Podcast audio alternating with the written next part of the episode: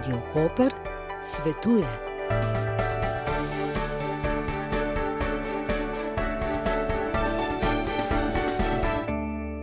Zdravju pri delu starejših delavcev se namenja vedno večja pozornost, vsaj v najbolj zrelih podjetjih, tudi ob enem se še vedno zanemarja specifično podporo ženskam pri težavah zaradi menopauze, meni Magdalena Fabčič, koučinja na tem področju, ki svetuje tako posameznicam kot podjetjem. Lepo pozdravljeni in dobrodošli. Pozdravljeni, hvala. Večina menopauzo še vedno razume kot zasebno zadevo, čeprav ima lahko pomemben vpliv na delovnem mestu. Kako se menopauza odraža na delovnem mestu in zakaj v primeru menopauze ne moremo povsem ločiti zasebnega od tako imenovano javnega? Predvsem je tukaj dejstvo, da če imamo težave, bodi si povezane z menopauzo, pa kakšne druge, jih prinesemo s sabo na delovno mesto. Ne moremo preprosto na vhodu v podjetje jih odložiti, žal. Zato je pomembno, da se o tem tudi pogovarjamo, da se prepozna tudi med sodelavci, eh, kaj se žensko dogaja, da razumejo, da je pravzaprav zadaj lahko neke hormonske težave, neko naporno življenjsko obdobje, burno obdobje hormonskih sprememb, ki bo minilo, kar je pomembno vedeti, se pravi, to je nekaj začasnega, ampak zna prinašati tudi neka trenja, neke težave na delovnem mestu. In takrat je pomembno, da ženska občuti razumevanje, podporo, da gre lažje čez to. In konc koncev, ne, glede na perspektivo, da bomo delali še tam do 70. leta, ne, se nam res splača vlagati v zaposlene, da ohranijo svoje zdravje, da poskrbijo za psihično in fizično zdravje, se pravi, nek wellness vzdrževati v podjetju, da bodo potem lahko delali še, ne vem, 15-20 let, ker nekje medijana starost nastopa menopauze 51. Se pravi, imamo kar nekaj delovne dobe še pred sabo, ko vstopamo v to obdobje. Pa tudi morda, da um, teh težav prehodnih, če pride recimo do nesporazumov, sporov zaradi Eh, razlogov, ki ste jih prej navedli, eh, drugi ne jemljajo kot nekaj osebnega, ne? ampak dejansko sprejmejo to, ne? da so to posebna obdobja. Tako, če so informirani, če so ozaveščeni o tem. Žal je menopauza precej tabu tema. Slišimo sicer kakšne take pripombe ali pa neslane šale na ta račun, se pa ne ozavešča uh, o, o velikem vplivu, ki pač menopauza ga ima na družbo in podjetja in delovne organizacije in zasebno in v družbi posotne. Tiče se, seveda tiče se nas ženski, gremo skozi to, ampak tiče se tudi vse okrog nas, naših partnerjev, prijateljev, sodelavcev. Menopauza je pomembno obdobje v življenju žensk, to ni bolezen, ni pomanjkljivost, ni kronična, z njo je treba živeti, ni pa vedno lahko. Za njo, naprimer, ne dobimo prostih dni, dodatnih dni dopusta ali bolniške, ne? Eh, mi ne, ampak jaz tako mal občudujem Britance, ki so že korak pred nami, imajo celo certifikat Menopause Friendly Company, tudi v vojski, tudi v policiji uveljavljajo to politiko prijaznosti do žensk, ki so v menopauznem obdobju. To pomeni tudi, da ne vem, policistka ima na razpolago kakšno uniformo več, kakšno bluzico več, materijali prilagojeni temu, da ima vročinske oblive ki so zelo pogosti, recimo pri ženskah v menopauznem obdobju. In meni je najbolj tako zanimivo, fascinantno, ko gledam enega polkovnika angleške vojske, ki opisuje njihove smernice za podporo uh, vojakinjam, ki grejo skozi menopauzo. Tako da se da. Tudi vsaka posameznica um, na svoj način občuti to obdobje. Ne? Ko se takole pogovarjam s kakšno kolegico, znanko, eh, ki je pred tem obdobjem oziroma že v tem obdobju, različno mi pravijo, kako to občutijo. Velike, velike razlike so med nami, ne? individualno in tudi glede na obdobje življenjsko, skozi katero gremo. Ne? Če je neko zelo stresno obdobje, ne vem, izguba, smrt staršev, ločitev, nekaj podobnega. Eh, to vpliva na težave, ki jih imamo, ker pač stres je tisti, ki lahko hormonsko ravnotežje spravi čist izven. Tako da je zelo odvisno od obdobja v življenju, naših osebnostnih značilnosti, malo je pa tudi loterija povezana z genetiko, ne? tako da tudi geni določajo, kako bomo to prenašali. Po statistiki četrtina žensk nima nobenih težav. Se pravi, konec menstruacije, to je to polovica ima težave, ki jih nekako obvladuje, četrtina pa tistih, ki res nujno rabijo podporo, da se jim ne zniža kvaliteta življenja. Kako pa na prenašanje težav, ki jih pripelje menopauza, vpliva delovno mesto? Imamo delovna mesta, ki so izjemno fizično naporna, potem taka, kjer imamo opravka z velikim številom ljudi, morda je v prostoru skupaj veliko ljudi in tako naprej. Nimajo vse ženske možnosti, naprimer začasnega umika, počitka, morda kratkih gibalnih vaj. Ne? Uh, Zaenkrat je to res precej omejeno. omejeno. Te možnosti imajo redke, uh, v redkih podjetjih so to te smernice uveljavili. Nekako vidim kot svoje poslanstvo ozaveščati o tem, da se ženski to omogoči, ker bo pač koristila samo mogoče nekaj mesecev, par let in rešitve so pogosto zelo enostavne.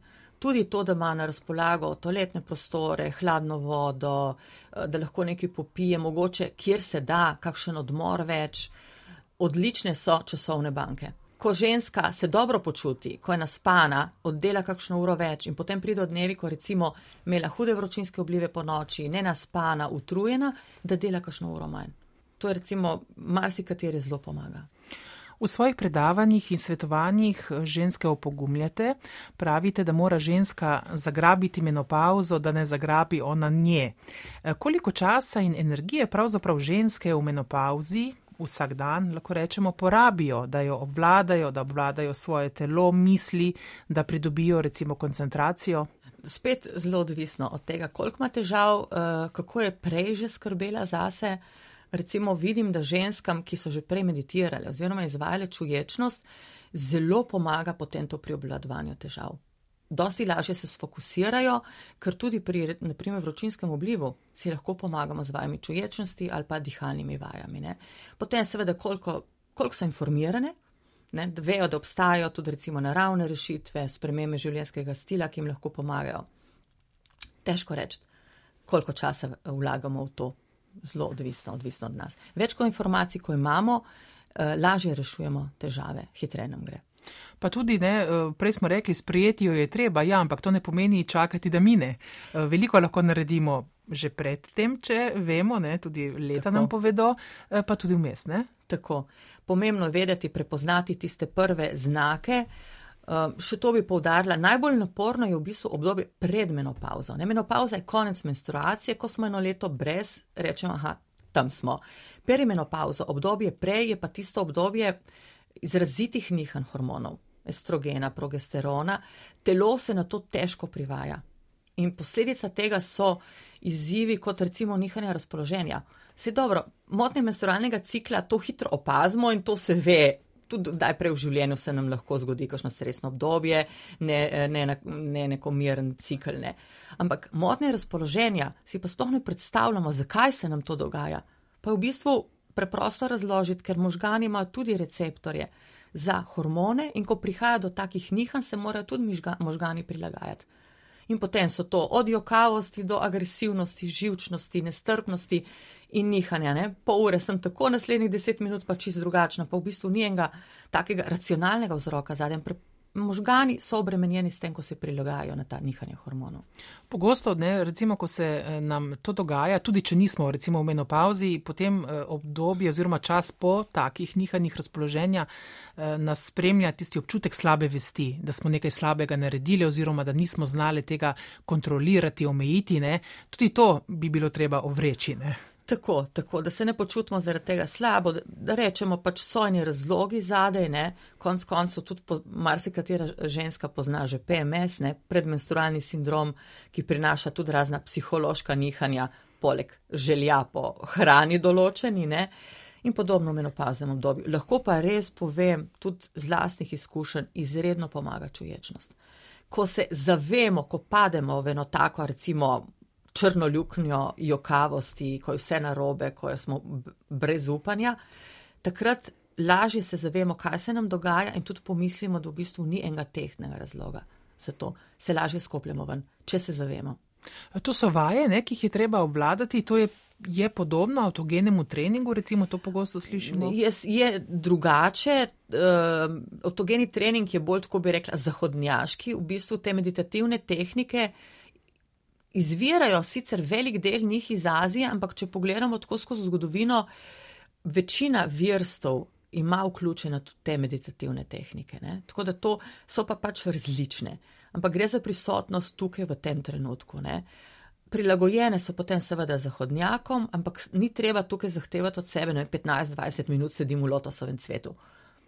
Težko najdemo čas, toliko discipline, da to redno počnemo. Lahko je minuta, dve.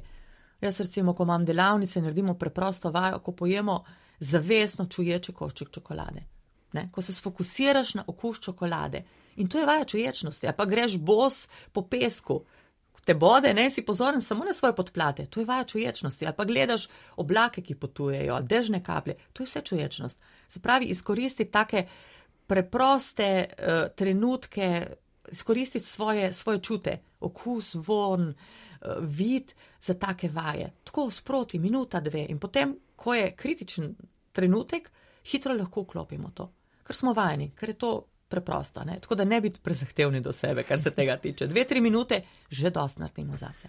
Torej, tudi eh, menopauza obdobje uh, priložnosti, da spoznamo sebe, da se poglobimo v sebe. Ja, ja. Ker ženske običajno, ko je družina, fokus je na družino, poskrbeti za otroke. V menopauznem obdobju ti večinoma odletijo iz gnezda, vsaj naj bi, ne. Eh, in potem imamo več časa zase, da malo tudi razmislimo, naredimo eno tako retrospektivo, ne, kaj smo dosegli, predvsem pa kaj želimo še doseči v življenju, kakšne cilje imamo. Tudi vrednote se nam lahko v tem času precej spremenijo. Ne. In seveda to pomeni neko novo smer. Veliko se pogovarjate z ženskami, kaj vam povedo? Imajo nadrejeni oziroma delodajalci dovolj posluha za njihove težave, česa si pravzaprav ženske, eh, zaposlene ženske želijo? Večinoma v bistvu delodajalci o tem ne razmišljajo, o tem nič ne vejo. Seveda, ženske, recimo v kadrovski službi, ki so šle skozi to, imajo svojo izkušnjo, ampak recimo moški uh, v vodstvu ali pa mlajše ženske, praktično ne vejo, da to obstaja, ker o tem nismo izobraženi in dobimo informacije. Jaz mislim, da bi že v osnovni šoli kot del spolne vzgoje bilo dobro, da se o tem tudi pogovarjamo. Ne? In seveda potem ženska um, ne dobi tiste podpore, včasih so predsotki, se ogleda po strani, mislim, zelo neprijetne situacije ima. Recimo, v prvem menopauznem obdobju marsikatera ženska ima neredne menstruacije, ki so lahko izredno močne, dolgotrajne in jo presenetijo. Si predstavljate, na delovnem mestu sedi na stolu, ustane, za njo ostane madež. Uh -huh. madež. In to je, že tako se ustrašiš, kaj se dogaja, sploh če je to prvič, ne veš, kaj je narobe, in potem te sodelavci gledajo po strani. Ne. Tako da so res take, včasih res hude zgodbe, lahko rečem. Ne. Če bi sodelavci vedeli, da okay, je to to, ne. In potem recimo toaletni prostori, da so pri roki, da so tam tudi kakšni rezervni higijenski pripomočki, take preproste stvari, ki ženski lahko pomagajo. Tudi da ima garderobo, da ima lahko stvari za se take mhm. rešitve. Ne? Bolj prijazno. Tako, tako. O tej občutljivi temi je treba odkrito spregovoriti, to ste danes že povdarili, e, in tudi načrtno povečati zavedanje in znanje zaposlenih ter spodbuditi podjetja, da razvijajo učinkovite strategije podpore, pravite. Kateri so lahko prvi koraki k temu? Nekaj ste jih že našteli, pa vseeno, če govoriva o strategiji, kje se lahko to začne in v kakšnih okvirih, recimo? Uh, običajno je dobro začeti z oceno delovnih mest se pravi delovnih pogojev, ventilacija, temperatura, dostopnost toaletnih prostorov, potem zaščitna oprema, uniforme. Se pravi, da se pogleda te dejavnike, ki lahko vplivajo kot taki na počutje ženske, kaj se da tukaj narediti. Drugo je pa potem informiranje žensk, kako si lahko pomagajo. In ozaveščanje vseh sodelavcev, da vejo, kaj se z njimi dogaja, da so nekje razumevajoči za njih. Na delovnem mestu smo vezani k uresničevanju profesionalnih standardov, slediti moramo predpisom in zakonodaji, ko pa je govor o medosebnih odnosih, ostajamo po večini na ravni nekih nenapisanih pravil, konsenzov, če sploh so. Kako bi po vašem mnenju razumevanje in neformalna podpora zaposlenim ženskam, ki se soočajo z menopauzo, vplivala na uspešnost podjetja? E, gotovo bi vplivala na počutje teh žensk, tudi na zauzetost lojalnost podjetju, hkrati bi pa tudi ostali videli, da podjetje skrbi za svoje zaposlene. Se pravi, pozitiven vpliv na cel kolektiv, na zauzetost celega kolektiva, kar se seveda pozna tudi potem pri učinkovitosti pri delu in pri rezultatih podjetja. In ne pozabi, dan današnji, ko se poudarja vedno bolj to družbeno odgovornost. Ugled podjetja je pomemben in to je eden od kamenčkov v mozaiku, ko gradimo ugled podjetja, da poskrbimo za svoje zaposlene, recimo ženske v tem obdobju. Gospod Fabčič, hvala lepa za vsa ta pojasnila. Eh, veliko dobimo pa tudi na spletni strani pogumna.si, tam tudi redno pišete, objavljate, ne? tudi uh, o drugih temah uh, s tem povezanimi. Tako pogosto uh, je na kakšni delavnici kakšno vprašanje ali pa dobim po mailu in potem si rečem, to je pa zanimiva tema, pa jo malo bolj raziščem, pa objavim tudi uh, potem kot blog, uh, tudi v kakšni reviji. Tako da skušam, moje poslanstvo je pač ozaveščati o tej temi. Tako da skušam biti prisotna uh, in čim več uporabnih, kredibilnih informacij posredovati. Predavate tudi v podjetjih, eh, začeli ste nekako dobesedno ste orali ledino. Eh, se je v teh letih kaj spremenilo, je zanimanja več?